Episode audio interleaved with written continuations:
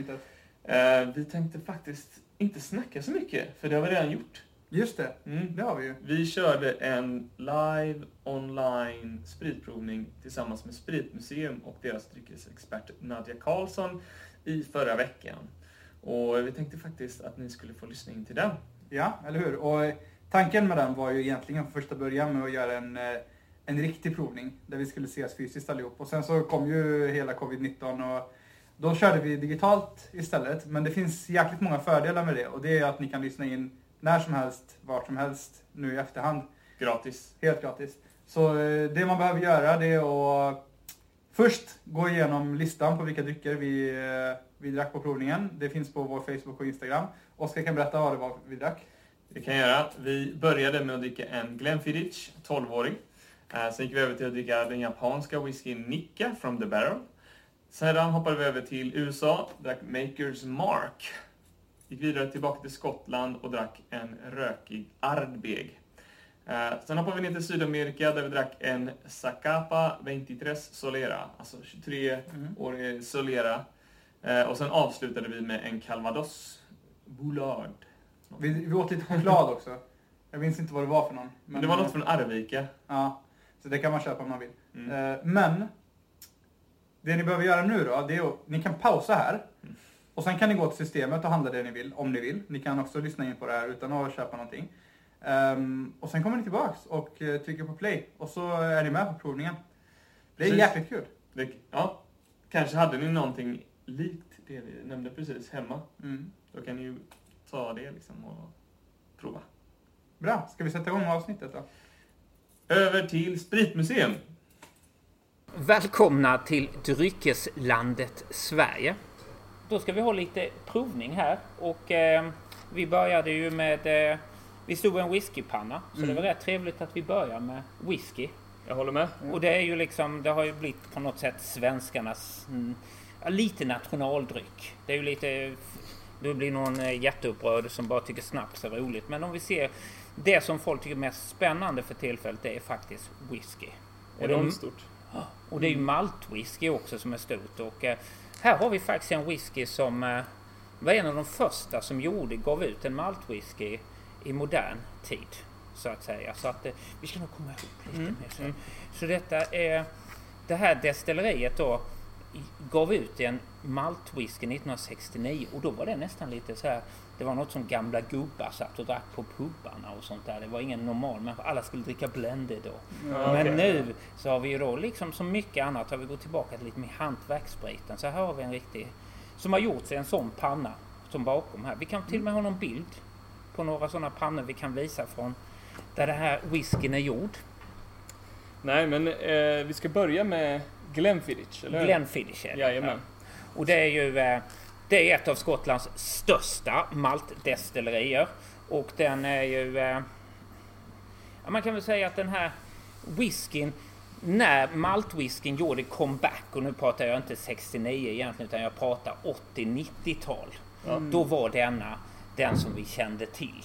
Och det är från ett område, Speyside, som är nordöstra delen av Skottland. Och om vi, ja, om vi tittar på det här så är det ju en rätt ja, läcker färg sådär. Kan, och det kommer ju då från fartlagringen givetvis. Och doftar vi på denna så sticker det väl till, eller vad tycker ni? Ja, Det finns någon sån här liten häftig...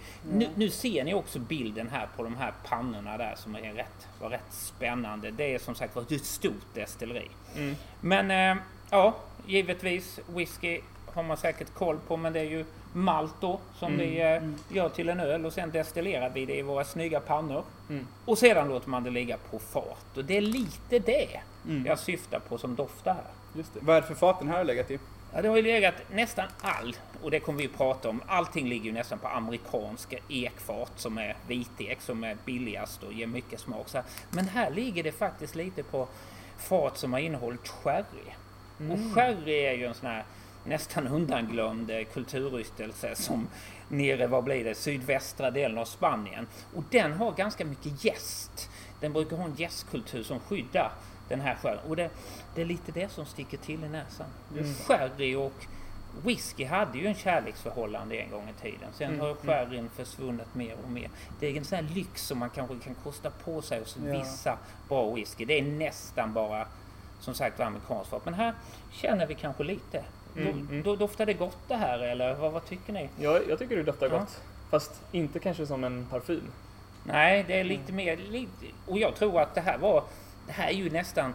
Man vill nästan härma konjak lite så det ska vara Mm, elegant och mm. sånt här. Det ska inte vara liksom... Sen finns det andra whisky vi ska prova sen som kanske har en helt annan stil. Men ska vi Just det. prova den här och se hur den Låt oss. smakar också? Ja. Skål. Vi skålar så här. Vi Så. skålar en sån där. Eller så, hur? det hördes väl där i alla fall. Vi fick en fråga här också. Okej, spännande. Eh, det är Lisa som skriver, när började whisky bli allmänt känt och börja drickas av vanligt folk? Ja, det beror lite på hur man ska se på det men ibland säger jag det är jäkla tur att det var amerikanerna och engelsmännen som vann andra världskriget. Annars hade jag stått och haft snapsprovning här istället. Det hade inte varit lika roligt. Eh, Förlåt, no offense mot- snaps. Nej men eh, det är väl, eh, ja men någon gång efter då, efter andra världskriget. För det är då vi börjar tycka det är coolt med, vad heter det, med whisky. Och då, då helt plötsligt så så fanns det ett program som hette Arvingarna och de stod där med whisky varenda gång och då började titta svensken på vad spännande.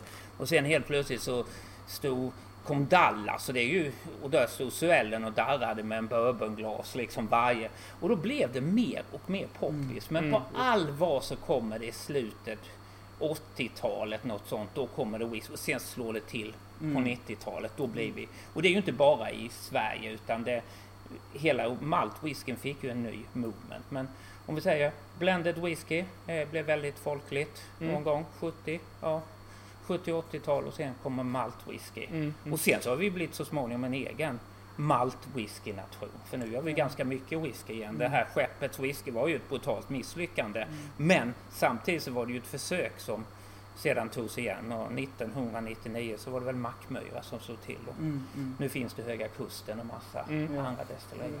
Precis, eh, Mackmyra, jag tänkte nämna det när du nämnde eh, sherryn också. Ja. Eh, för jag vill minnas att de har eh, deras senaste whisky, eh, japanskt te, vad heter det? Te, Mm. Grönt te heter det va? Mm. Eh, Den har de, en av komponenterna i den här whiskyn så har de lagrat på en Oloroso-fat och det är nog sherry om Mm, jag inte mm, jo, det stämmer. Det stämmer. Mm. Det stämmer. Så, men det är, ju, det är ju det är ofta med liksom, som komponent. Men jag är lite nyfiken Nadja, när eh, fick du upp intresse för whisky? Men jag tror att eh, jag... eh, Ja, men jag, jag, jag började, jag, jag var fotograf en gång i tiden och så var jag inte så framgångsrik så då började jag jobba extra på Systembolaget. Och då så, när man jobbade extra där så, så, så tyckte jag det var roligt att börja förstå saker och ting. Och sen så fortsatte jag lite som fotograf och jag var andra fotograf på en tidning och då så vet jag att vi blev skickade till Skottland.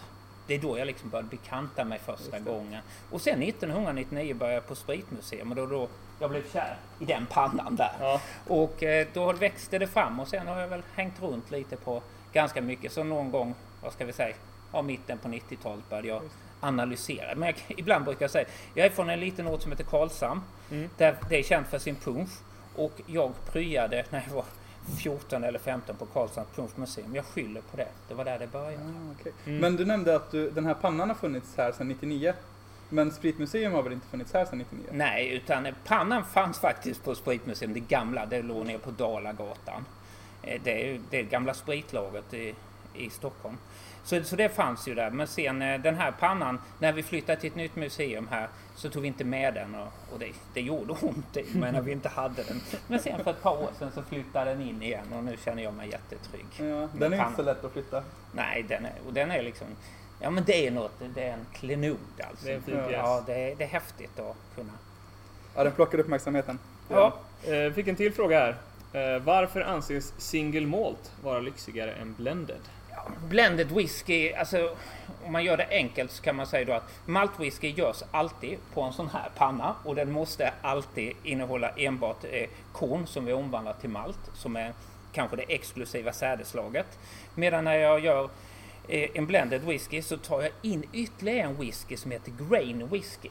Och den görs på ett modernare sätt på kolonnpannor. Och då Mm. blir det inte riktigt, och då får du använda det sädeslag som är billigast för tillfället också. Så att en billig blended innehåller kanske 80 eh, grain Mm. och bara 20 eller f- 10 malt whisky. Så det har väl blivit liksom att hantverkswhiskyn är maltwhiskyn och den här grain är då mer en industriell whisky. Men sen så vi kommer att prova väldigt bra blended Mm. ikväll. Så att det, det, det finns även eh, bra blended. Men det, det, har väl, ja, det var den lite mer enklare Mm. vardagswhiskyn. Så här sitter vi i Lyxa då kan vi säga. Det Med denna. verkligen. Och det, det som man kanske skulle kunna känna lite på denna, det är de här finkeltonerna som man säger som är, som är men egentligen vill man göra det roligt kan man ju säga att en maltwhisky som görs i sådana här pannor, det blir ju en ganska skitig sprit. Det är ju det som ger smak egentligen. Mm. Så det är ju lite absurt. Det är ju missförstå det här med skitig. Men, men det gör ju att man, man, man destillerar ju medan om jag destillerar kolondestillering och gör en ren vodka som destilleras till 96% Den är ju väldigt ren i smaken. Mm. Och är väldigt lik, höll jag på att säga, handspriten som är poppis nu. Vi har faktiskt pratat om Ja. det här i, eh, i vår podcast också, i Spritpodden. Eh, där vi tar upp till exempel att eh, visst, man blir av med många finkeloljor och sådana här saker när man kör kolonnpanna. Men ibland, man tappar ju också mycket smak. Och sen, sen så kan man också ska påpeka att ibland finns det vedeldad kolonnpanna som fransmännen är väldigt förtjust i och då blir det minst lika spännande som en eh, enkel panna på detta viset. Så man kan inte Ibland så medan då stora destillerier, om vi är ner i Skåne och åker förbi Absolut så är det en gigantisk gigantisk kolonnpanna som man ser ganska långt ifrån. Ja. Ja, men det, den här är väl som sagt var en elegant whisky tycker jag. Eh, den här, ja, passar väl utmärkt kanske i, i fåtöljen. Eh, Jag, jag brukar alltid säga att man ska försöka dricka efter kanske måltid. Men skulle jag vilja ha någon whisky innan måltiden så skulle jag kunna tänka mig denna. För den är ändå ganska snäll, Mm, elegant. Vad bra att vi började med den då. Ja, det var väl en snygg start Ja. alltså. Eller hur? Men nu hoppar vi rakt in i provningen. Jag tänkte också passa på att tacka alla som har kopplat upp sig. Och det är ju jäkligt kul att vi kan få till det här. Mm. Trots eh, Corona och allt det har medfört. För vi tänkte ju egentligen köra en liveprovning. Eh, eller live, liveprovning. alltså eh, liveprovning där vi ses allihop. Ja. Eh, och det kanske kommer i framtiden Ja. på andra sidan av det här. Men eh, sjukt kul att alla är med. Mm. Och eh, jag tänkte säga nu kör vi, men vi har ju redan börjat. Det har vi. Ja. Men jag tyckte den här var god. Vad tyckte ni? Smakar den bra eller? Ja. Ja, jag tycker det här är snyggt alltså. Det är, och jag, jag älskar ju den lilla sherrytonen. Det är ju den här lite ja, gästtonen som retar till liksom. Det, det gör det lite mer spännande. Det måste ha något sånt. Det, det, det, får, måste finnas något som man tycker sticker ut lite Mm. speciellt. Och då, utan eh, de här sherryfaten här i denna så tror jag den hade blivit lite tråkigare. Mm. Ja. Men det, jag brukar säga att varje sprit har nästan... Det, det, det spelar ju roll givetvis hur jag destillerar, vilka fat, vilken råvara jag har och sånt där. Men det gäller att hitta liksom själen i varje Mm. spritsort. Och här skulle jag säga att visst har faten och råvaran en väldig betydelse. Men jag tror att själen ligger lite i den fina lagringen. Mm. Blenden här. Hur långt den ligger där. Ja, man har ju blandat då olika typer av fat. Så Mm. det är spännande. Kanon. Vad har vi mer att dricka idag då? Ska vi, den här, eh, då hade vi startat med den första. Ja. Och eh, om vi säger den är lite borta där så... Eller jag kan bara göra så här. Jag bara tänkte på, här har vi den vi har provat. Och här har vi då en annan whisky som vi ska prova. Jag bara tyckte det var roligt att titta lite olika färgmässigt. Mm. Ska jag ta upp den eller vill du presentera den först kanske? Vi, vi, ja, vad, vad Ja, säger men För jag det här är du ju kan- spännande. Du kan börja alltså. prata om det Ja. och sen så eh, blir det en liten surprise när Ja. flaskan kommer upp. Ska vi, för ta, vi har faktiskt en fråga här på whisky Okej. emellan som vi ska ta kanske. ehm, Kör. Det är, eh, jag hade en fråga här igen. Ehm, Whisky med eller utan is, vad är det som gäller? Om någonting ligger ganska länge på fat och sådär och man gör så här så fryser man ju bort ganska mycket med whiskyn. Men i och för sig så tycker jag, jag menar för ett par år sedan så var det liksom det var en mardröm att bara säga is. Nu har is börjat bli poppis igen för nu är det väldigt inne när det gäller gindrinkar och sånt där. Så nu börjar jag nörda med is och sånt där också genom hur den isen ska vara och sånt. Men generellt på drinkar, ja. Men eh, såna här, jag kan säga nästan alla de vi provar ikväll tror jag mår bättre av Mm. som de är. Ja. Och vill man, alltså, vill man ha det, om man tycker att det är för starkt, Ja, då är det ju bättre att istället för att ha i is och bara ha några droppar vatten. ja. Så att du håller eh, temperaturen rätt, men Mm. att du spär ut det så att du får en lägre alkoholhalt i glaset.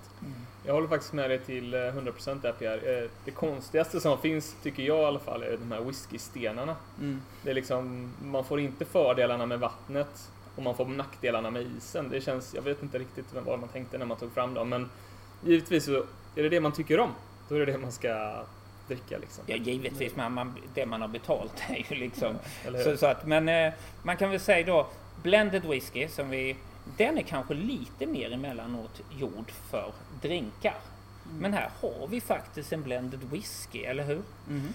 Det, vi har ju inte avslöjat den än, men vi kan väl ta och dofta på detta lite. Och detta är en liten omtalad whisky som eh, har blivit lite poppis de sista åren. För liksom, vi provade en skotsk whisky. Det är ju det som har varit dominant, eller hur? Sen har vi Absolut. sagt att det finns svenskt och lite irländskt och sånt här. Men det landet folk snackar om ganska mycket nu, vilket land är det?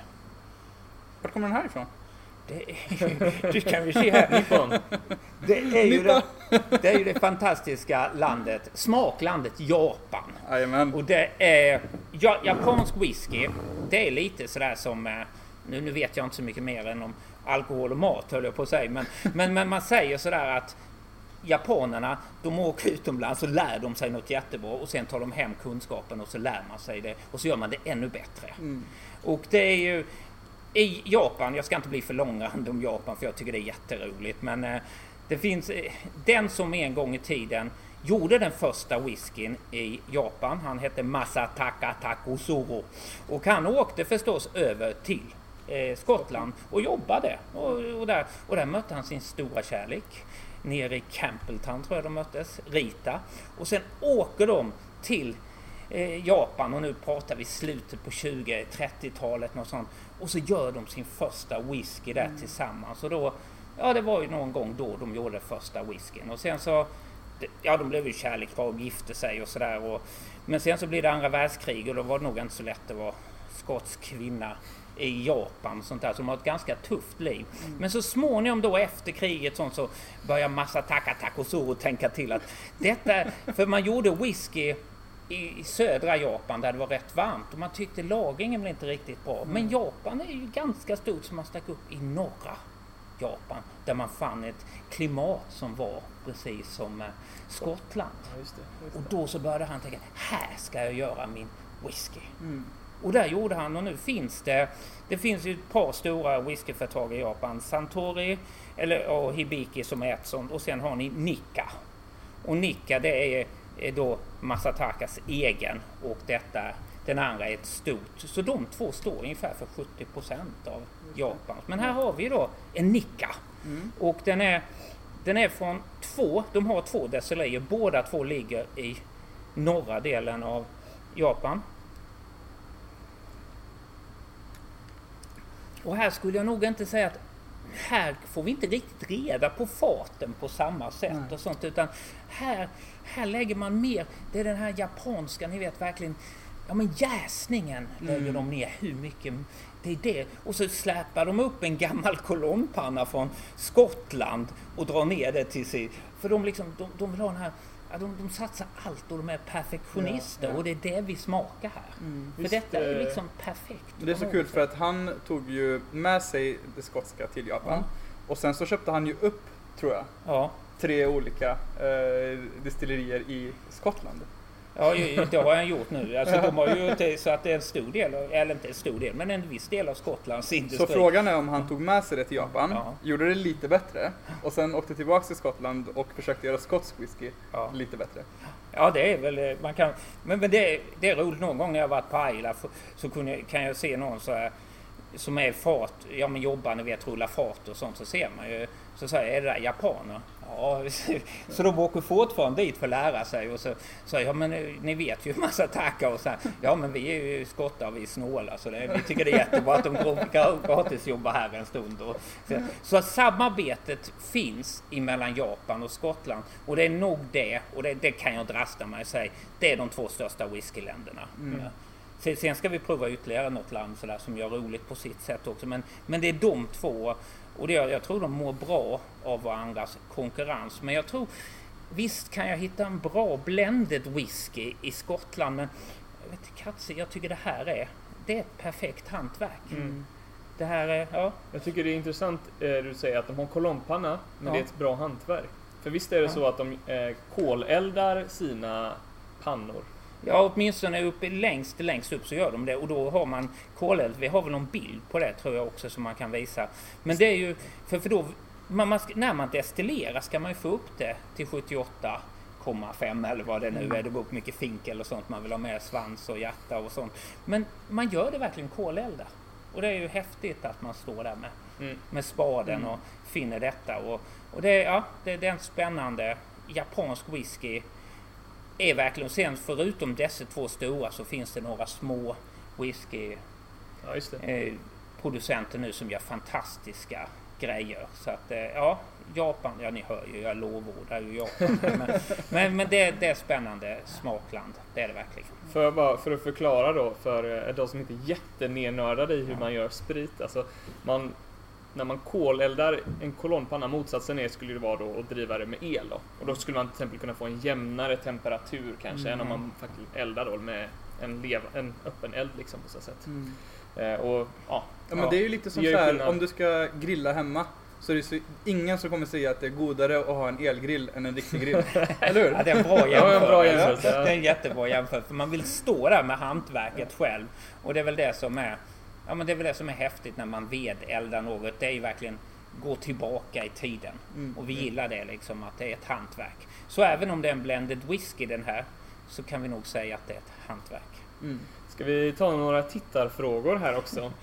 Eh, vi fortsätter på whiskyn här först då. Då fick jag en fråga från Jesper som säger Finns det någon whisky som anses mer lättdrucken än annan? I så fall vilken? Som med vin, till exempel rosé på sommaren.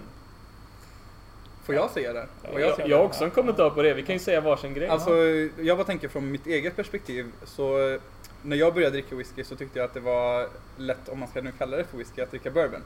Alltså för att det är lite sötare, det, är lite lättare att smälta liksom. Och då så börjar man väl med någon eh, Jack Daniels eller något sånt där liksom och tyckte väl att det är lättare att dricka än att ge sig på Ardebeggen direkt liksom. Mm, mm. Jag skulle vilja säga att eh, Famous Grouse är en av de mest lättdruckna. Mm. Eh, den är väl blended tror jag och den, eh, den smakar väl inte så himla mycket liksom som de riktigt käriga liksom. Eh, så om man eh, tycker det är lite tufft att dricka, eller lite tungt att dricka eh, riktigt rökig whisky och så, så skulle jag rekommendera att man köper sig en eh, Famous Grouse som insteg.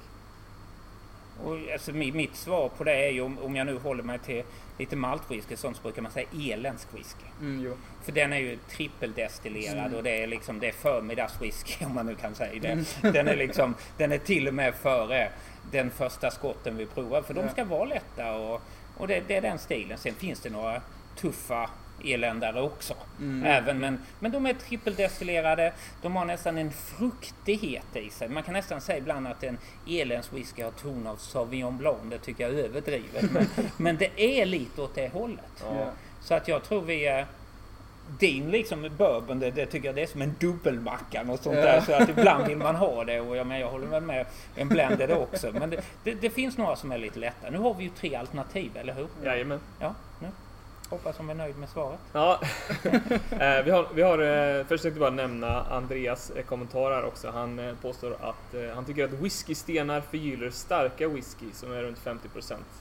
Eh, han tycker det är det bästa som finns. Och som vi brukar säga, liksom, vi ska inte stå här och säga vad som är bäst utan det är vad man själv tycker är bäst som är bäst, som vi alltid säger på det. Vi kan fortsätta med en till fråga här. Jag tyckte det var en ganska rolig fråga. Jag har en gammal Macallan Elegancia från 1992. Hur länge kan jag låta den ligga? Och jag förutsätter att den ligger på en glasflaska idag, Och att den är oöppnad. skriver Jane. Ja, jag menar, på tal om skeppet. Vi drog upp, eh, när vi drog upp Vasaskeppet så hittade vi sprit. Det gick utmärkt att dricka, inga problem. De drog upp även smör som hade legat ett par hundra, hundra år under vattnet och det var någon eh, halv, ja, som inte var så smart som provade det och det var inte så bra. Medan spriten, han var visst sjuk rätt länge efter det. Nej men, men spriten, spriten håller ju. Det är ju det som är. Frågan Så om den håller bättre när den är 100 meter under, under havet. Ja men det är ju jämn, ja, men alltså, jämn Tryckkomprimering. temperatur. Eh, Allt, om man tar allt dryck som, om vi nu tar sprit, så ska det ju lagras på, det, det ska skyddas från UV-strålar, det ska ligga stilla och det ska ha jämn temperatur. Havsbotten. Tvärt emot vad linjeakvavit säger om sin dryck. va? Ja, jo, men de vill ju påverka den. Ja, de klart. vill ju inte, de är ju mer att de vill ju att den ska utvecklas under det. Men på Vasaskeppet var väl inte meningen kanske att de skulle ha som en specialställe för oss. Utan, men det, så att ja, ligger den bra och sånt så. Mm. Och det, alltså egentligen all lagring och sånt där bara ställde någonstans liksom där det skyddas från UV-strålar. Längst ner i en garderob och något sånt. Och smek den bara en gång per månad. Och sånt. Mm. Så, att man, så den får stå stilla. Det är då den trivs där och vänta på att bli Skulle du säga att den förändras någonting överhuvudtaget när den ligger i en glasflaska? de, de diskuterade, grappaproducenter säger ja det kan utvecklas lite och sånt där. Men står det okej? Så Sen så, om vi, vi filmade ju lite skeppets whisky och ni ser det försvinner ju lite om det nu är, har legat länge. Sådär. Så att ja visst förändras det säkert på något sätt. Sen är det väl frågan hur mycket våra munnar kan uppfatta det. Det är väl en... eh, Men, men jag tror att man... må- Ja, Det är inte som att lagra upp ett ekfat i alla fall. Det är inte samma sak. nej det kommer inte utvecklas på samma sätt. Nej. Okej, eh, vi hade en till tittarfråga innan vi går in på nästa dryck tycker jag. Eh, och det var en fråga som lät så här. Hur står sig svenska spritmärken internationellt? Härnu Gin verkar ha gått bra, men hur är det med Mackmyra till exempel? Eh, Vill ni svara eller? Jag vet faktiskt inte hur Mackmyra går. Jag kan tänka mig att det är lite så här kul att köpa en skandinavisk whisky för amerikanarna till exempel. Och, så, och kanadensarna för den delen. Sen vet jag inte hur populärt det är i Asien eller Sydeuropa. De är ju, jag menar de kanske är lite mer patriotiska och köper bara saker från sitt eh, område. Jag kan säga att jag har, inte, jag har aldrig kollat på siffror på det. Eh, men jag har ju stött på svensk sprit utomlands. Mm. Men om det är ett vinstkoncept att man stöter på den Mm. eller om man ser den överallt. Det, Men, men, men jag tror så här att Mackmyra, om jag ska titta på den internationellt, den är väldigt experimenterad. Ni pratar med här Ja. grönt te och, och sånt. Den, den typen av whisky gör man bland annat mycket nere i Tasmanien i Australien som är en jättestor whisky som svenskarna inte känner till. Mm. För vi har inte så mycket whisky därifrån. Indien är också ett här stort whiskyland som börjar komma nu på allvar. Men de, de är lite mer experimentella. Vi är lite mer, om jag tar den generella whisky konsumenten i Sverige. Vi gillar att vara lite mer konservativa. Så Ja. vi tycker nog det ska vara skotskt. Mm. Vi gillar den skotska stilen. Så jag tror att Mackmyra, ja, den når ut till en lite mer sån open-minded publik medan Mac, då kanske, ja några av de andra destillerierna eh, kanske når, som är lite mer konservativa i stilen i Sverige, når mer hemmamarknaden. Så det är väl lite olika vilken stil, för det finns olika stilar av whisky också. Sen så är det väl bara jätteroligt med att ginen har blivit så superstor som den är. För det är verkligen bra gin som kommer där uppifrån. Ja, alltså Härnö Gin har ju Härnö, vunnit ja. eh, Ja. internationella priser Ja, flera det är- gånger. Det är ju... Det, det, är, jätte, det, det är jättebra grejer. Alltså, Men den är så- också konservativ för den delen. Ja, ju... till vi, jo det är den väl. Jo, jag håller väl med dig om det. Den är, den är lite även om de... Fast han har ju liksom vågat ha en trä på ett fat och Mm. sånt där. Det är ju liksom det är någonting och det är väl det som är det svenska på något sätt. Ja. Eh, ja, jag tror så, så att... Eh, ja, men jag tror att... Ja, de, de tilltalar lite olika publiker. Jag tror vi får gå vidare om vi ska hinna med de här eh, dryckerna nu. Nu har vi provat en blended. Mm. Japan. Vad spännande. Då lämnar vi Nicka. Och nu tänker jag komma med någonting som ni kommer att reagera på när ni får den under näsan. Eller hur? Här har vi en brutal doftattack höll jag på att säga. Absolut. Det doftar inte lite precis här utan det doftar rätt mycket. Och det, det är ganska fjäskigt, är det inte det här? Men vi, gillar, vi gillar doften. Ja, eller? ja, det, ja, det här är ju... Det doftar vanilj som ganska, ganska Ja, mycket. ja. Och det är lite en bränd ton för att på ett väldigt snällt sätt. Mm. Ja, det här är ju... Ja, ja, det, här, det här är nästan... Den, den sån här kan jag nästan sitta... Jag tycker det är synd att börja dricka den. Den är, liksom, den är så himla schysst att bara sitta och dofta på. Den är... Vi, vi, vi sa ju att den, de andra var inte så parfymerade. Och är det någon som drar åt det parfymerade hållet. Det är inte det. parfymerat här, men det är nog det mest parfymerade hittills. För den har så mycket söta toner. Ja. Och det Mm, har ju mm. parfym ofta. Så vad är det vi dricker Pierre? Alltså innan jag säger vad vi dricker, jag vill nämna det här med rökighet. Vi har ju pratat om det i podden i alla fall. Ja. Eh, och eh, den här är ju så här, det här är ingen rökig whisky. Nej. Men den har starka kopplingar till rök. Jag vill bara säga det. Håll det i huvudet. Och sen Ja, så kan ni förklara varför. ja. Jajamän. Det är Makers Mark. Makers Mark. Och det, ja. Den känner man igen. Ska vi ha den där? Ja. Upp med den. Nu ser alla den i alla fall. Ja. Ja. Men eh, det är ju intressant just det, det rökiga som du nämner här. Och det kommer ju nog från... Det, ja, det du, jag tror du tänker på det är just kolningen, eller? Mm. Ja. Nadja, vill du berätta lite mer vad kolning är för någonting? Kolning är ju då när man, eh, man bourbon, eh, eller ja bourbon som det här är, den görs ju på lite, ja men lite majs är en stor del. Det är det som är och den görs oftast ner i Kentucky. Inte enbart i Kentucky vill jag påpeka.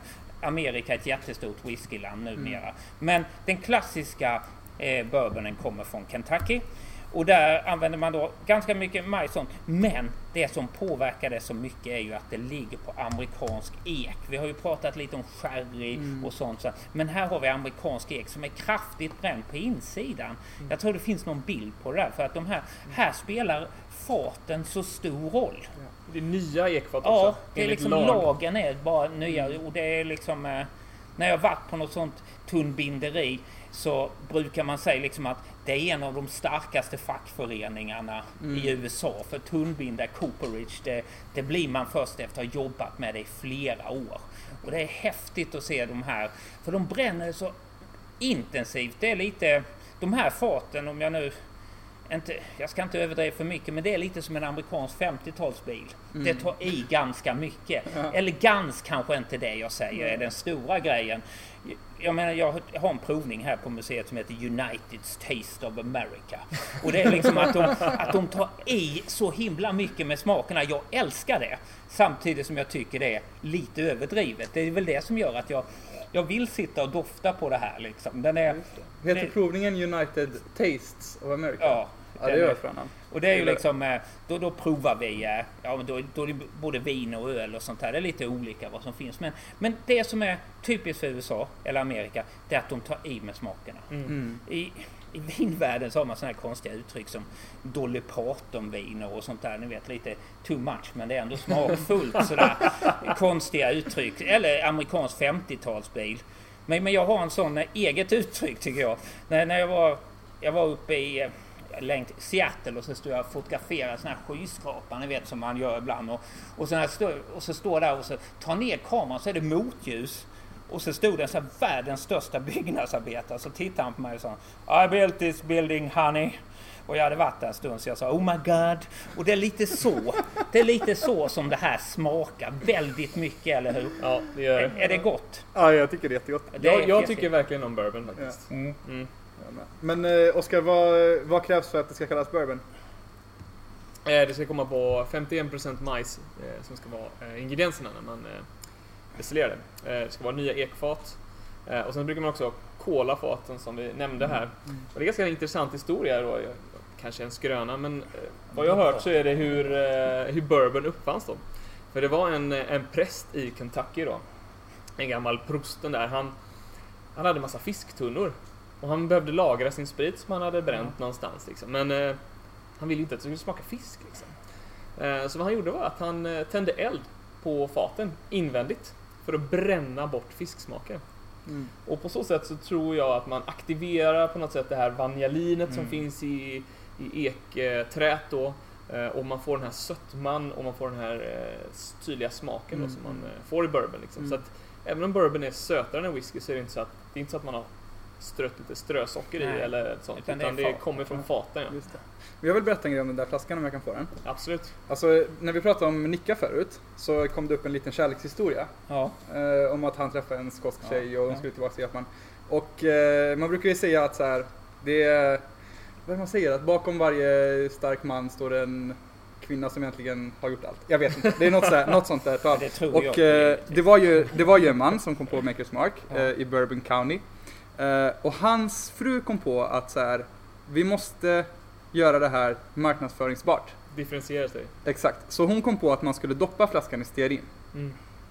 Och det börjar man göra liksom när man kom ut med den här, var det 40-talet, 50-talet eller något sånt där. Och då doppar, doppar man ju varje flaska. Och det gör man fortfarande för hand. Ända sedan dess. Vilket har gjort att de, de kan producera hälften så mycket som andra bourbon-tillverkare. För att det är en, ett steg i processen som gör att det tar längre tid. Och åker man till deras destilleri så får man eh, testa att doppa själv. Och det finns en skröna om att om du hittar en flaska på, oftast på flygplatserna, eh, där stearinet går ner till under eh, flaskhalsen, så har du ett högre värde i det. Och sen så fick jag också läsa att, men om du åker själv och får doppa flaskan när du är där och tar Mm. med dig flaskan hem, då kan ju vem som helst vara där. Ja, doppa hela ja, flaskan om man ja, vill. ja. Så det kanske försvinner lite grann. Men det är intressant tycker De jag. kanske förbjuder det när man är där. Ta flaskan ifrån dig ifall du har doppat det för mycket. Exakt, de har lagt någon så här, något, något stopp liksom så att det inte går ner mer än så. Men, men, men det som jag också tycker, så här, vi, vi skojar lite om jänkarna och sånt med detta, men ja, vi visar ju en bild med öppna jäskar och sånt förut där. Och det är väldigt, alltså det är, det är ett intressant hantverk. Även om det har liksom lite överdrivna smaker så är det väldigt häftigt hantverk som utvecklas på detta viset. Och bourbon, nu liksom, behöver man inte ner till Kentucky, bara i delstaten New York finns det ett par stycken destillerier och sånt. Så, så ja, håll ett öga på jänkarna och, och gillar ni den här lite överdrivna smaken och, och djupt doppade stearinflarror, då, då är det här ett spännande land. Mm. Mm. Då tar vi en sista sipp innan vi går vidare tycker jag. Ska vi skåla? Skål. Ska du, dricka, du, sk- du måste skåla när du dricker. Okej, Då skål är då. det skål då igen.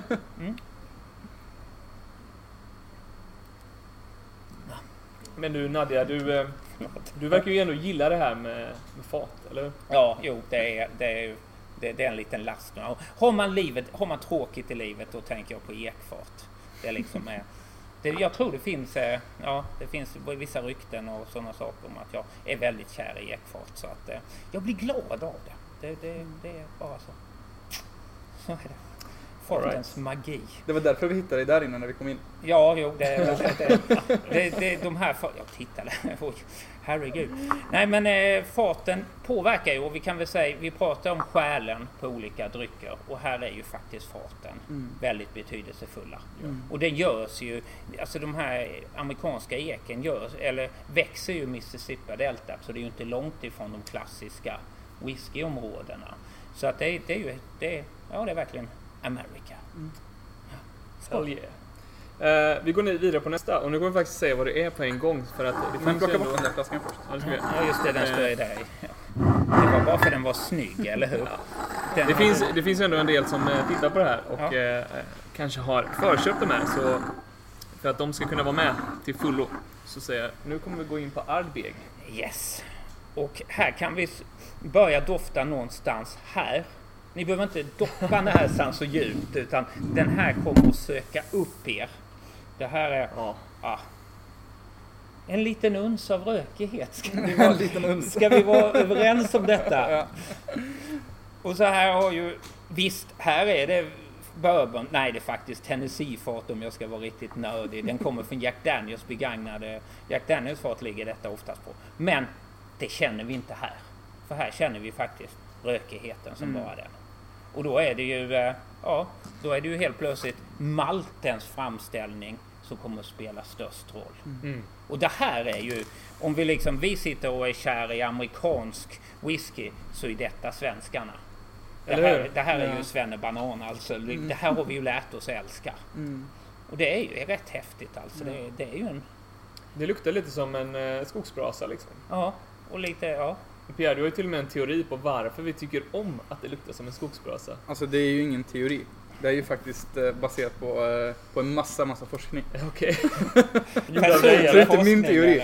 Nej men eh, alltså människan har ju utvecklat ett, ett viss, en viss del av sitt luktsinne utifrån när vi kom på hur man gör eld. Som kopplar till massa positivitet. Och till exempel så när man går förbi någon granne som grillar och känner grilllukten då blir man ju plötsligt hungrig även om jag precis har tryckt i mig en pizza innan liksom. Och, och det har ju med det att göra. Det är att du kopplar den här bra rökigheten, Mm. vi pratade om det Mm. förut, för att den bra rökigheten kopplar du till det. Och sen så kan ju eld vara farligt. Mm. Så du kan ju också känna av eld och att det sänder varningssignaler i Mm. hjärnan istället. Mm. Men här sänder det inte varningssignaler, inte för mig i alla fall. Men för vissa personer som inte gillar rök så kanske de kan uppfatta, i, i dryck då, Ja, kan de uppfatta det här som någonting dåligt. okej. För att du har både det bra och det dåliga i rökigheten i ditt lukt och smaksinne. Intressant. Ja, det, det är ju de, de här och det, detta pratar vi ju liksom om. Finns det en kulturell doft? Mm. Liksom kan vi ha någonting som vi liksom känner att vi kanske tycker om extra? För detta är ju den här whiskyn Ardbeg kommer ju från Isla. Den lilla whiskyn utanför på västkusten i, eh, i Skottland. Och det är ju liksom hel, hela, hela ön är ju en torvhög. Mm. Och det är den som och det, det är ju en speciell torv som utvecklas. Det ligger ju en bit ut i Atlanten och så regnar det ganska ofta. Så det, det görs en speciell och, och mytologiskt så skyller man ju på Ja, det var väl en islänning som kom nerseglande som hette Torving va? och skottarna hade byggt eh, båtar av allt trä och då sa han använd torven och då blev det på något sätt. Men den här torven är ju då från Isla, vilket ger en speciell. Om jag skulle varit till den första whiskyn, Glenfiddich, då är den torven som kommer därifrån, den baserar sig lite på ljungväxter Mm. och sånt där. Så det är lite annorlunda. Så här känner vi ju verkligen en speciell Ja. rökighet som då vi har anammat. Mm. Eh, Så för det, de som inte är helt innördade i det här så använder man ju då torven för att torka mm, malten. Och istället för att torka det med eh, vanligt trä då, som vi pra- pratade om Mm. förut, så kan du använda torven då. Och den torven ger ju den här rökigheten i, i malten. Precis. Eh, Jag fick också en fråga på det. Hur får man röken in Mm. i whiskyn liksom? Och det har ju med det som ni säger. Ja, Liksom. vi- vi har- Torven, ja. den, eh, under tiden som man torkar malter, korn och malt så, här, så, så eldar man den här torven. vi hade här väl någon torvbild som man kan... Där Jo men jag tror vi visade den. Där har vi den. Mm. Och det är ju liksom, det är ju ett förstadium till kol det här. Mm. Egentligen om man ser det rent geologiskt. Men så torkar man det, man ser torven där och så torkar man det och så bränner man under och så får man denna rökigheten. Det, det är rätt häftigt det där Mm. med...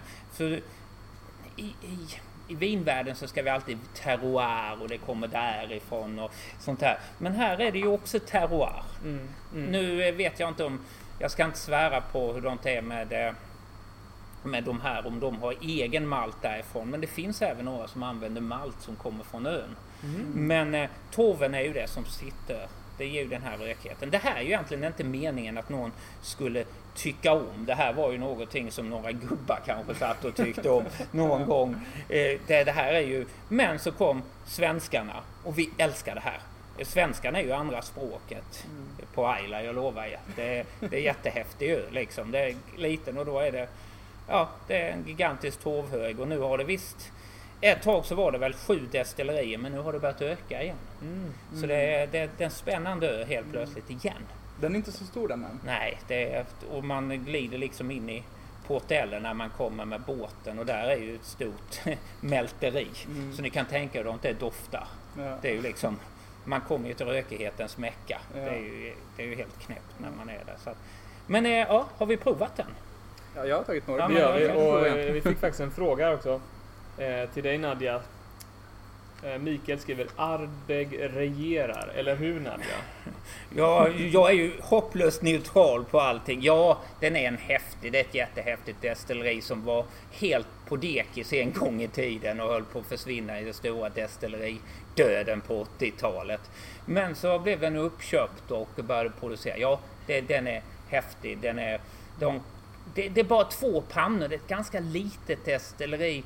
De hade rykte att laga lite vid havet, det stämmer inte riktigt. Men, men de, har, de har gjort en väldigt rökig stil. Mm. Och bara man ser på flaskan så är det liksom nästan, den har liksom fjäskat för oss. Ja, den men- är nästan lite sådär, jag menar lite vikingus, eller hur? Eller Ja, hur? men vi pratade om det att eh, Ja, det här A ser ut som ett eh, vikinga-A nästan. Och Ja. eh, det är kanske det som tilltalar oss. I eh, vikingaland. Mm. Ja, vi, vi liksom, de, de har förstått att svenskarna är bra att vara vänner med. Och jag menar, sen, sen, sen så tycker jag att jättemånga av eh, whiskyna på, på ön är jättespännande. Ja, men, men jag, jag måste ju säga så här, när, när jag var sist på Ayla, det här, eh, och då hade jag varit där tror jag, ja men jag varit där ett par gånger och så var det för, så kom jag efter, tillbaka efter något år och så ledde jag en resa så, så gick vi in och frågade liksom vilket är världens bästa whisky? Gick vi in på puben precis utanför Bowmore Och då satt det några gubbar och de var ju med så här, ja de sa famous goes. Famous Goes liksom, ja. Men, men ni har ju liksom ett världsberömt destilleri här ute. Nej, Famous Goes. Och då, så, och då så gick jag ut och hade jag fått det svar som jag hade förväntat mig. Men då hörde jag den ene gubben där som sa till mig, hörde han muttra, och du hade snygga klänning sist du var där och då hade jag varit där för två år sedan. Så det händer inte så mycket på denna ön. Den är häftig. Åk till Ayla. Jag är på väg. Jag är ständigt på väg. Och detta är rätt. Ja, vi tycker om det mesta här. Det vi. Ja. Men det är ju, den här skulle jag inte ta innan middagen.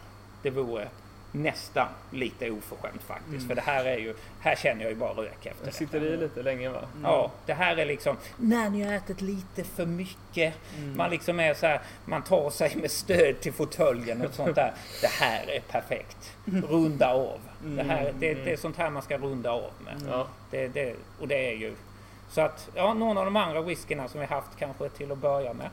Medan den här är på slutet. Just det. Vi fick faktiskt eh, ytterligare en fråga här tidigare på lagringen. Mm. Eh, du nämnde ju eh, om lagring av hur man ska lagra det egentligen. Du nämnde lite där att man skulle hålla en jämn temperatur. Finns det något mer som man ska tänka på?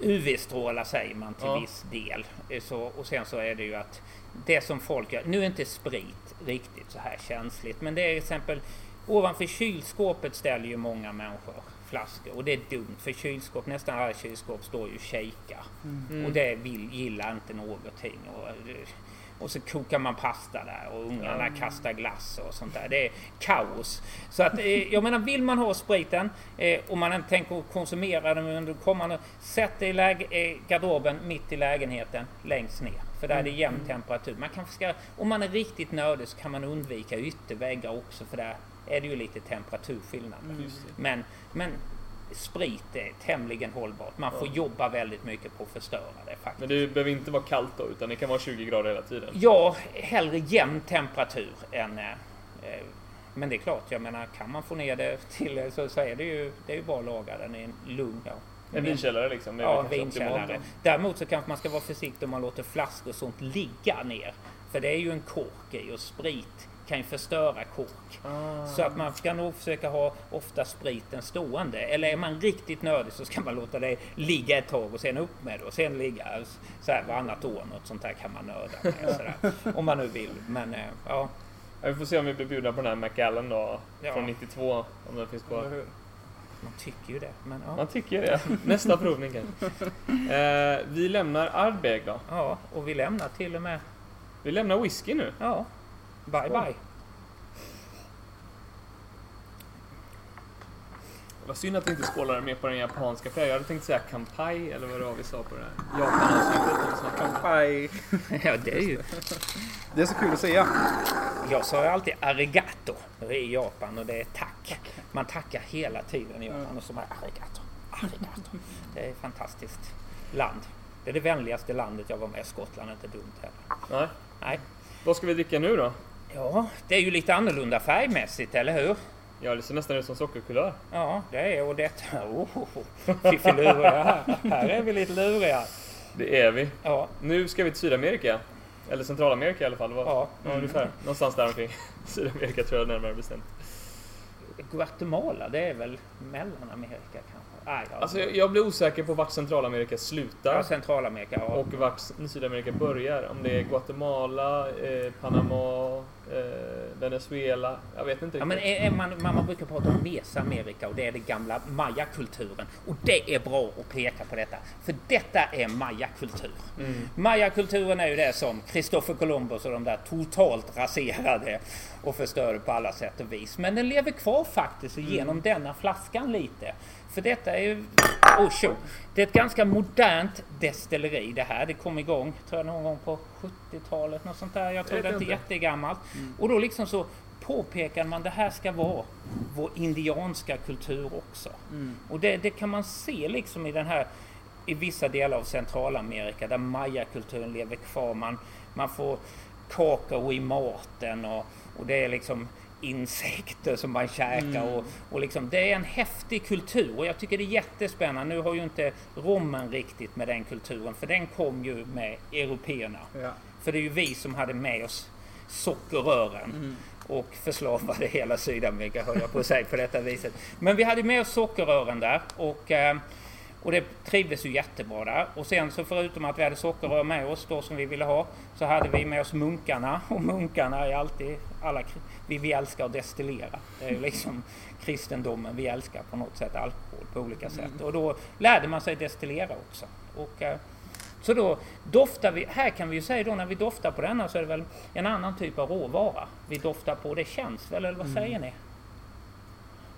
Absolut. Det är det verkligen. Den här... Eh, Zacapa är det vi dricker. Ja. Om någon missade det.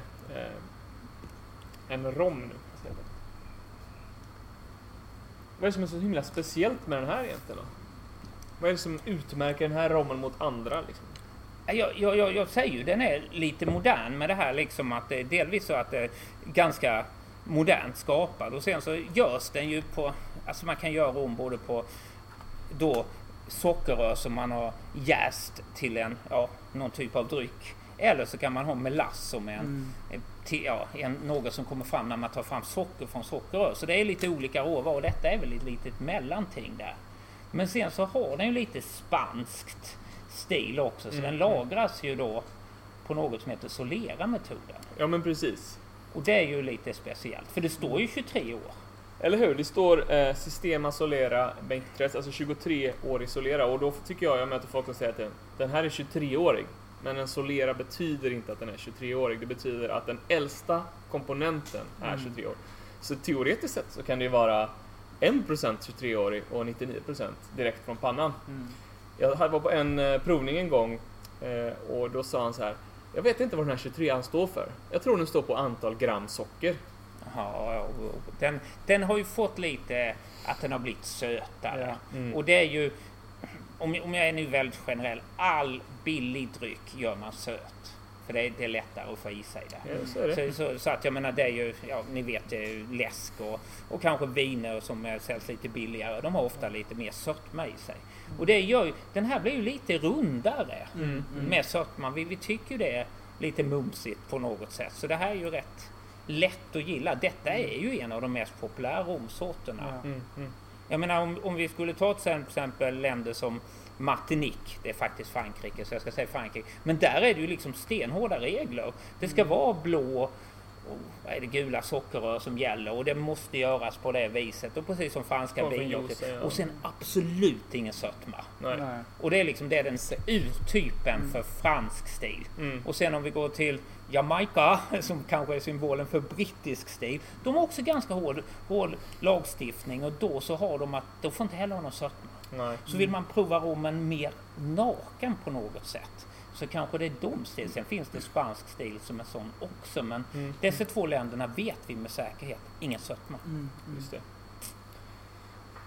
Och sen som du sa också att eh, stilen, vad man gör det ifrån, eh, beror lite också olika på hur det blir i slutprodukten. Och, alltså, den franska stilen kör ju på sockerrörsjuice framförallt. Agricole kallar de det. Agricole. Och eh, den spanska stilen är lite mer mot melass, även den Ja. brittiska. Och, men just den här var lite blandning, Ja. eh, eh, berättade du tidigare här också, att det var lite juice och lite melass egentligen. Melass är då en eh, biprodukt när man producerar socker. Det, det som jag tycker är lite roligt med denna det är ju att man, man, man gör ju till viss del då på, på färska socker höll jag på säga.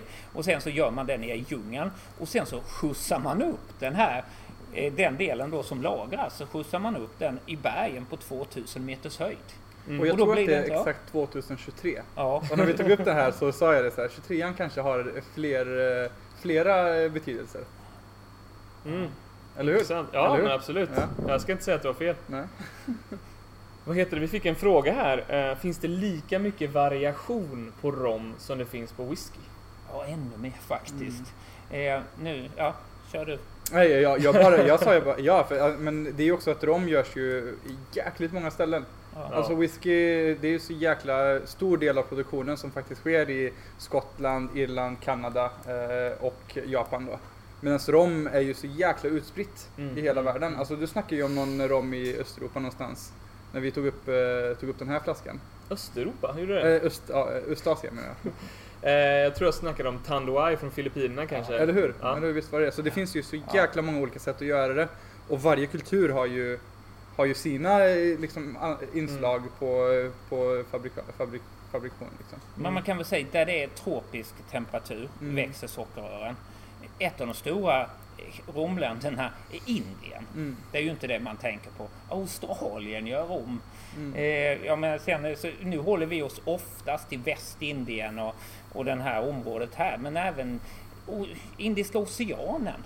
Där finns det också mycket romproducenter. Så Mm. att det, det finns i hela de tropiska områdena. Så det, den är stor variation. Och utan att ha någon så här förutfattad mening om dessa länder så kanske man kan tänka sig det är inte riktigt samma ordning och reda som i många av de eh, Japan och Sverige och sånt Nu där. har du fördomar här. Ja, ja men, eh, men det är kanske lite svårare att komma överens om en lagstiftning. Ja, ska det. Men medan då till exempel då som vi tog upp Martinique och Jamaica, de är ju rätt Ja. hårda med det. Så att ja, det finns jättestor variation i Mm. Rom.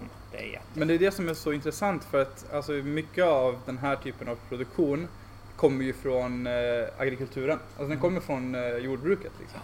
Och många av de här länderna har ju haft jordbruk i så jäkla många år. Så även om det inte finns lagstiftningar så har man ju byggt upp ett hantverk och en kvalitet under de här flera hundra år av att man har Mm, tillverkat mm. saker och liksom haft processer för, för att vara bonde. Liksom. Precis. Och det kommer för nu krossas också, ska jag vilja passa på att nämna lite där.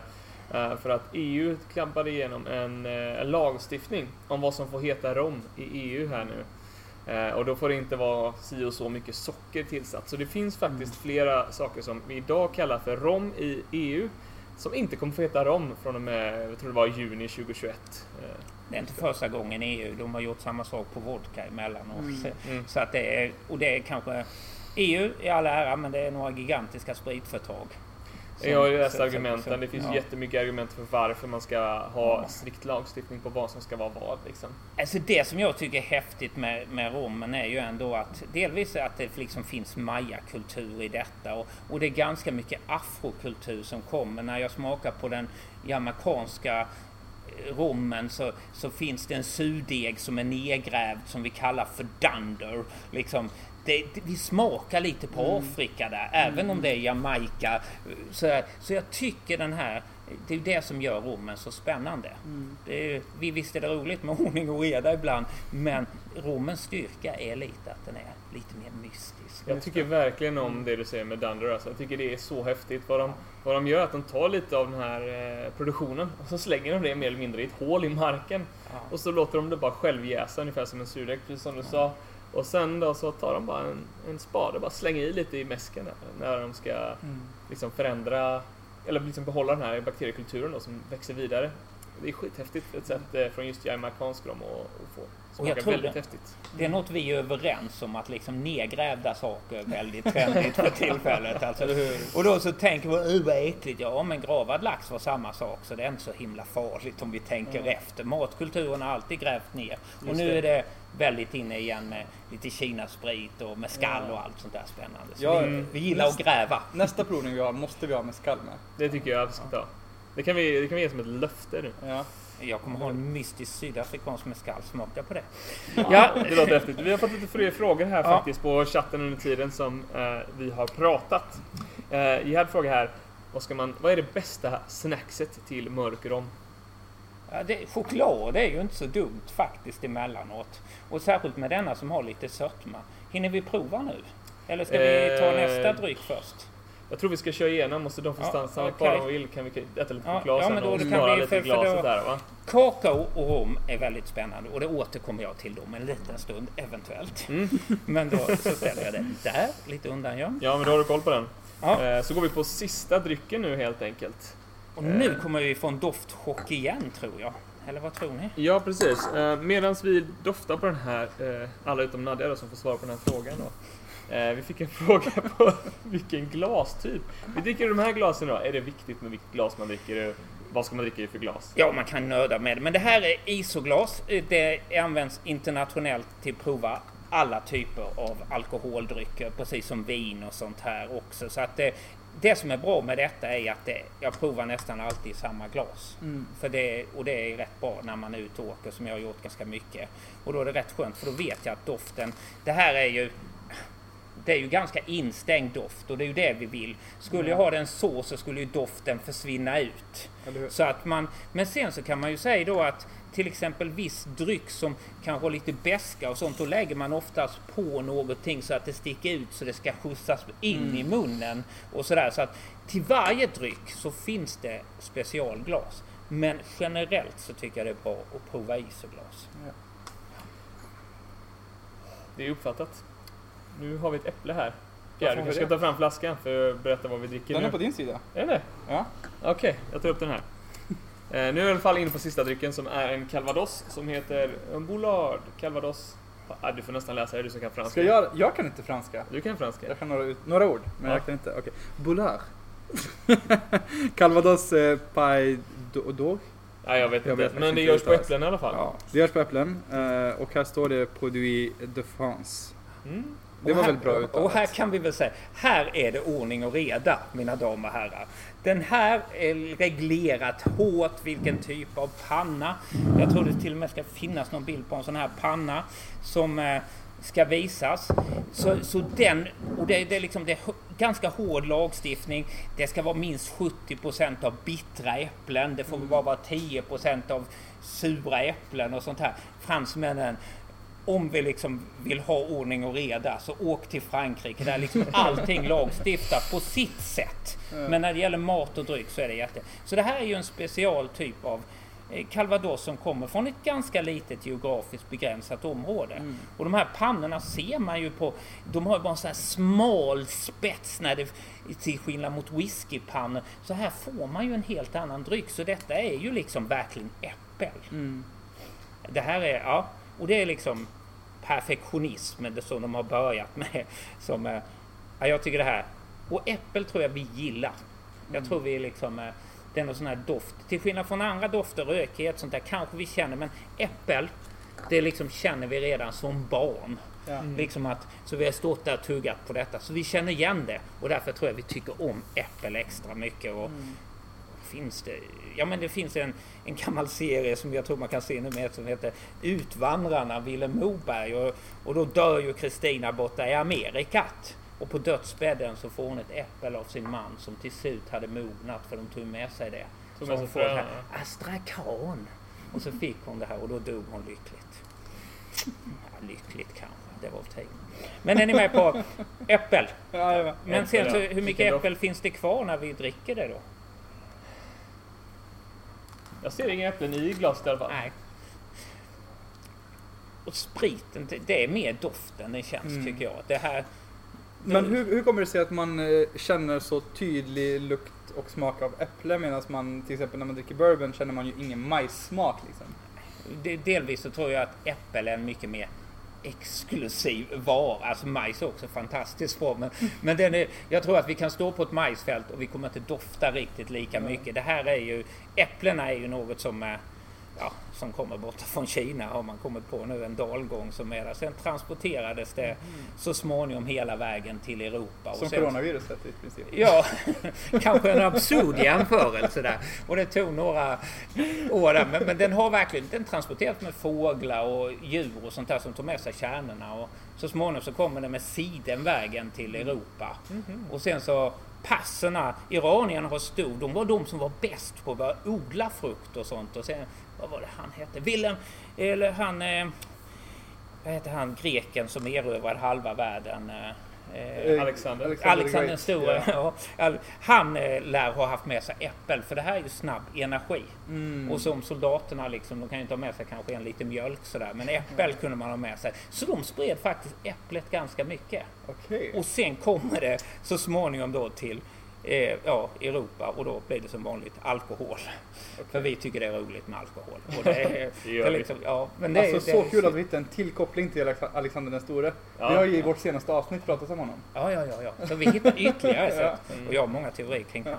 Nej, men eh, det är ju så, så att det, Äpplet kom hit och sen så som sagt var en av våra största romaner kanske som speglar Sverige. Så pratar vi om äppel. Ja. Så att det, det är ju äppel är något. Så jag tror vi gillar denna doften som bara den. Mm. Och varje europeiskt land har, det kanske inte är jättemycket äppel som är som Frank, Normandie och där, men alla har en äppeldal någon gång som vi känner liksom att vi, vi gillar våra äpplen. Mm. Och jag tycker det är roligt för det här doftar inte Granny Smith eller något annat stort producerat. utan detta doftar mogna äpplen. Ja. Och det är det vi gillar liksom. De här lite kantstötta Ja men där. lite så. Jag känner också den. Jag kan tänka mig att gå in i en lada fullt med massa kantstötta äpplen nästan. Och jag kan säga de här äpplena, om man, när man tittar på bilderna det skördas, det är liksom inga fräscha äpplen som åker upp där. Utan, och det, det är liksom, det här ska jäsa. Och jag menar de här äpplena är så 70% bittra äpplen. Det är inget vi äter direkt. Utan det här är, det här är för att göra antingen cider på det eller... Och det som är roligt lite som, som man har börjat fatta nu, det är ju liksom till exempel fransmän, när vi köper fransk cider så är det 100% äppel. Kanske något litet päron som har slunkit med och sånt där. Och det har ju vi varit lite sämre på nu, men i Fantastiska Spritmuseum har väl en utställning om äppel också och cider. Att det, för nu har de kommit att vi har ju egna svenska äpplen, varför ska vi inte vara stolta över det? Och göra 100% svenska äppelcider. Så det är faktiskt en ganska ny rörelse. Vi vill ha smakerna av Sverige. Mm. Även om det här var lite franskt istället. Ja. Men det är så bra, för vi började avsnittet med att snacka Sverige. Ja. Och avslutade avsnittet, eller avsnittet, jag är så van att säga avsnittet. Ja. Men avsluta provningen ja. med att snacka Sverige. Men jag tror vi ska säga så här att vi, vi är på vår sista dryck. Men jag tycker ändå vi ska dra över för vi kan ta med den här chokladen. För de som vill. Ja. Eller vad säger du eh, Nadja? Jo, jag tar tillbaka rom nu. Kan inte du Ja. räcka mig här? Eh, och nu har vi åkt runt i världen och sånt. Men nu tar jag er till Arvika. För där gör man en rå choklad. Och rå choklad innebär egentligen att man inte hettar upp det så mycket så det blir lite mer tuggmotstånd. Och vet ni, om ni ska ha någonting till sprit så är det inte så dumt med tuggmotstånd. För vi ska tugga, det är rätt bra. Då det liksom kombinerat. Och sen är denna smaksatt med kaffe. Och vill ni vara riktigt nördiga så är det liksom en special en kakaoböna som heter Kriller som kommer från Peru och sånt som man kan nörda. Så detta är ju lite samma sak. Men jag tycker vi egentligen bara gör så att vi tar en liten chokladbit och så provar vi både till rommen och eventuellt calvadosen. Det Så kan vi. vi. väl se vad vi tycker om det här. Vi får väl be om ursäkt också att vi inte har eh, sagt till någon att ta med choklad till idag. Men eh, ni kanske har något hemma som ni Ja. kan eh, Och ska jag snaska få göra om den då? Ska du ha ännu mer om? Har du redan druckit upp? Ja, men jag var inte förberedd på att vi skulle äta choklad. Ja, vi chockar honom här stackarn. Ja, stackars, stackars Pierre. Eh, Jag fick en fråga här också när du ändå eh, lägger upp chokladen här. Att, eh, Andreas han tycker väldigt mycket om Glenlivet 21-årig. Mhm. Ja, Den är också hemma Andreas. Finns det någon eh, liknande whisky som eh, vi kan rekommendera där? Vilken, jag hörde inte, jag var så Glenlivet 21. Jag tänker så, om du har den hemma kanske du vill rekommendera din favorit? Om jag vill rekommendera min favorit? Nej men eftersom du har Glenlivet hemma så kanske den är lik din favorit. Alltså jag har ju även eh, Glengoyne som jag tycker är ganska lik Mm. eh, Glenlivet. Jag vet inte om det om de har nå- någon koppling i och med att de heter nästan samma sak. Men den, eh, den är ju jäkligt lik i, i smaken. Alla heter Glenn i Göteborg. Alla heter Glenn i livet. Jag spejsar ju det också. Det, det lär vara några dalgångar. Det är namn på en dalgång och man gömde sig för britterna. Jaha, för att det var skatt på det och därför så, så, så, la, så Glenn liksom, alla drog upp och gömde sig. Nu gömmer vi oss där när rödrockarna kommer. Mm. Engelsmännen har nästan aldrig gjort någon sprit själv men de har alltid påverkat det. Det är, det är rätt roligt. De har extremt mycket påverkan både på gin och whisky. Allt. då. Men hörni, här har vi kakao, eller hur? Mm. Ska vi prova lite? Det gör vi. Vi tuggar lite då. Arvika. Fantastiska rå... Den heter egentligen bara råchoklad. Råchokladfabriken. Mm. Och så tar vi lite rom till och ser hur långt det smakar. Mm, Ganska mörk. Men inte supermörk. Den är väl 70 något sånt där eller något sånt tror jag för Mm. mig. Det ska väl stå många procent där. 73. 73 precis. Du får ju lite, lite andra smaker i rommen. För, för det här är ju liksom precis som den här chokladen är ju inte speciellt söt. Så detta skulle vi kunna ta i fåtöljen också efter middagen lite. Men det här är faktiskt en rätt rolig start också. För det här kan man nörda lite med. Bjuda på en schysst rom och en liten chokladbit. Mm. Då är det liksom lite, ja, det blir lite provning hemma men det är rätt roligt att leka så här lite. För att, ja. Sen andra tycker jag eventuellt vi kan prova med väl äpplet också. För det kan väl vara. Om jag skulle vilja ha choklad till whisky så kommer jag ha sälta i den. För det, Mm. det jag måste möta whiskyns ganska tuffa smaker med sälta. Och lakrits och sånt där. Så jag skulle vilja ha lite fetare choklad. Eh, och lite gärna salt på. Eller hur? lite, För ja. det jag gillar till whisky, särskilt trökig whisky, det är mögelost. Mm. Och där det- har du mycket mm. sälta. Jag tyckte faktiskt i calvados var det väldigt gott det här. Väldigt gott i calvadosen. Det blir lite som en likör. Ja. Vi gör en likör i våran mun Mm, egentligen. mm, mm. Och detta är ju helt torrt eftersom det är franskt. Och så Just får vi det. lite choklad. Så här leker vi. Ja, det är rätt bra att göra en. När vi Det pratar äpple vi. här så, så fick jag en fråga här. Lisa frågar Vad tycker Nadja om iscider? Brännlands iscider, har du druckit det? Ja, Brännlands iscider är fantastisk. Den hoppas jag, och nu lyssnar alla på mig, den ska in på Nobelmiddagen någon gång. Men de verkar vara för tröga för att haja. Nej, men eh, det är jätteroligt med iscider för att det är ju något som... eh, Det är ju inte, ja, det, det är ju en typ av iscider här och, och det är ju... Där använder vi det svenska klimatet. Så vi kan frysa det uppe, umma. Och så gör vi det. Det är Apple från hela Sverige. Men, jag, ja, men jag, jag är lite allvarlig när jag säger att det ska in på Nobelfesten. För det, vi ska ändå... Vi är ett spännande dryckesland som vi håller på att bli nu. Då ska vi ta vara på de riktigt bra produkterna. Och då, för det är ju... Om man säger en iscider, det är ju... Det blir ju... Ja, det är ju ganska nära ett sauternvin och sånt där. Så att det är ju ett väldigt elegant. Så ja, det är jättegott. Mm. Mm. Två frågor till här. Eh, De vill att vi ska rekommendera kungen. Eftersom det är kungens födelsedag vill de att vi ska rekommendera kungen varsin Är det dryck. därför vi firar valborg? Ett av Mm. skälen kanske. Ett av skälen kanske. Eh, Om jag får välja, vi kan ju välja varsin Ja, dryck ja, av de här då ja, kanske. ja, ja. Eh, Jag skulle rekommendera Makers Mark i det här fallet. Mhm. Jag gillar ju bourbon så himla mycket och det ligger ju kanske lite lika då med den första vi drack här, eh, Glenfiddich då. Eh, Mm. Jag tycker också om Makers Mark, så den hade jag sagt. Jag tror eh, kungen, eh, det lilla jag vet om det så, är, har jag fått för mig att han är ganska frankofil när det gäller viner och sånt där. Så att eh, jag håller mig nog lite till calvadosen där och det är ju ett franskt släkte det här en gång i tiden. Så att eh, jag tror att han skulle nog kunna njuta av eh, calvadosen och så kanske han skulle kunna ta en Arvika råchoklad. Den, det liksom kanske skulle vara dumt så jag tror det. En kalva. Right. Kör på det. Mm, mm. Och vi, vi tycker om att eh, vi är ju på Kungliga Djurgården så vi tycker det här är extra viktigt. Just det. Jag skulle följa Nadjas förslag, eller nej inte förslag men du snackar ju mycket om att svenskar åker till Ayla. Ja, ja, ja. Jag skulle skicka honom till Ayla och dricka Ardbeg. Ja, ja jo, det, Mm. Ja, det, är ju, det är ju häftigt också. Kanske gräva lite torv själv. Mm. Sådär, det är spännande. det, är- det är häftigt. Det här var en bra pressbild Ja, men- alltså. Ja. Ja. ja men Kan man kungen nog- är väl inte så blyg för att sätta på sig gummistövlarna liksom? Nej, det, det tror jag inte. Kan man, kan man kanske fixa till så att man kan odla torv på samma sätt i Sverige? Vem vet? Det finns torv lite ner i Småland och sånt där. Det hade vi faktiskt i skeppet whisky. Men jag ska inte börja prata om det för då slutar jag aldrig prata om det. Men vi har, vi har haft torv. Vi har torv i Sverige. Det har vi. Som en helt annan heter Det är bara att de uttalar det tov. Tov. Nej men det är Blekinge, vi har bara tagit väck r Det är bara onödigt. Torv.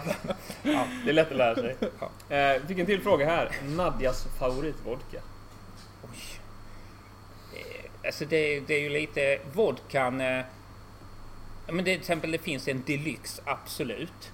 Och den görs ju då på en gammal panna som man har eh, som, som blir lite mer finkel i det. Så skulle jag ha en absolut så skulle jag nog, om jag nu inte tänker på renbart konst och sånt, skulle jag välja den som är lite mer destillerad. Sen, sen så skulle jag väl eh, liksom säga att även i Ryssland där man har sina egna lagar på mycket. Men eh, just vodkan den behöver inte vara 96 där. Så den är lite mer finkel i det. Så den är rätt spännande. Men då är det lite åt grappa-hållet. Mm. Det blir lite liksom så här tuffare. Ja. Och sen till slut så finns det ju den här fantastiska som man gör nere i Eslöv. Man håller på att destillera, vad är det den heter? Men det, det finns ju bra eh, vodka. Men det, ja, det, det gäller, det, den är lite misshandlad av att man måste destillera den så hårt. ja, just det. Men, men det finns eh, spännande. Ja. Mm. Mm. Okej. Jag tror inte vi har några fler frågor. Och vi har gått igenom alla dryckerna. Så vi skulle tacka alla som har tittat jättemycket. Eh, Det har varit väldigt kul att göra det här. Eh, Jag heter Oskar. Jag sitter med Nadja och Pierre.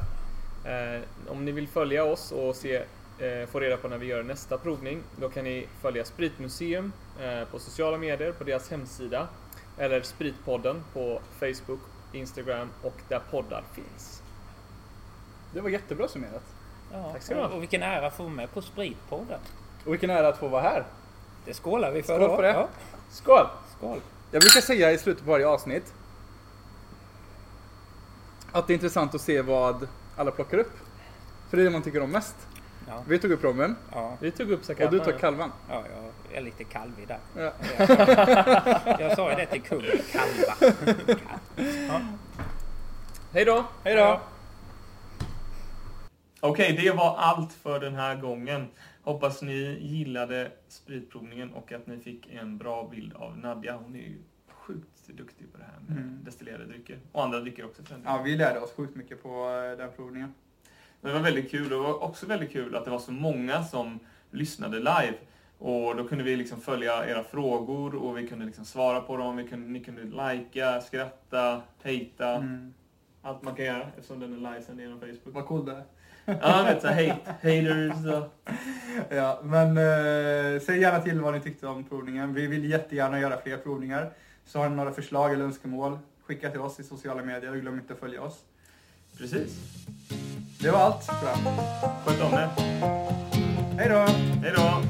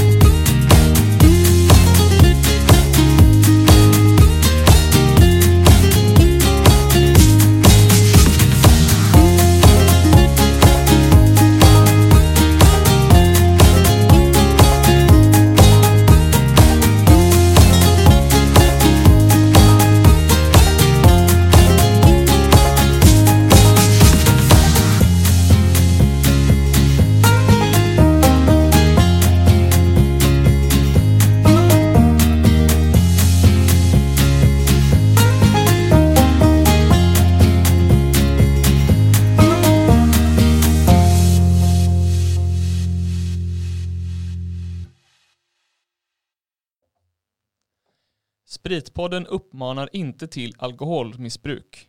Drick måttligt och ta hand om varandra.